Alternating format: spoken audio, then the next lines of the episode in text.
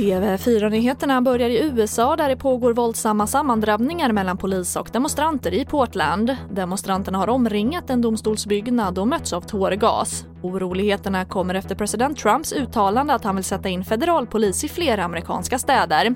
Och reaktionerna är nu starka från bland annat Chicago där borgmästaren kallar tidigare insatser med federal polis för diktatoriska metoder. Och två personer har blivit anhållna misstänkta för mordförsök i Jönköping. Två personer hittades skadade efter midnatt och fördes till sjukhus. En av dem är allvarligt skadad och alla inblandade är i 20-årsåldern. Och över en halv miljon svenskar var arbetslösa i juni vilket motsvarar en arbetslöshet på 9,8 procent. Och det är en ökning med 150 000 personer jämfört med samma månad förra året enligt Statistiska centralbyrån. Och arbetslösheten bland ungdomar rusar upp till 32,3 procent enligt mätningen. Och det var det senaste med TV4 Nyheterna. Jag heter Charlotte Hemgren.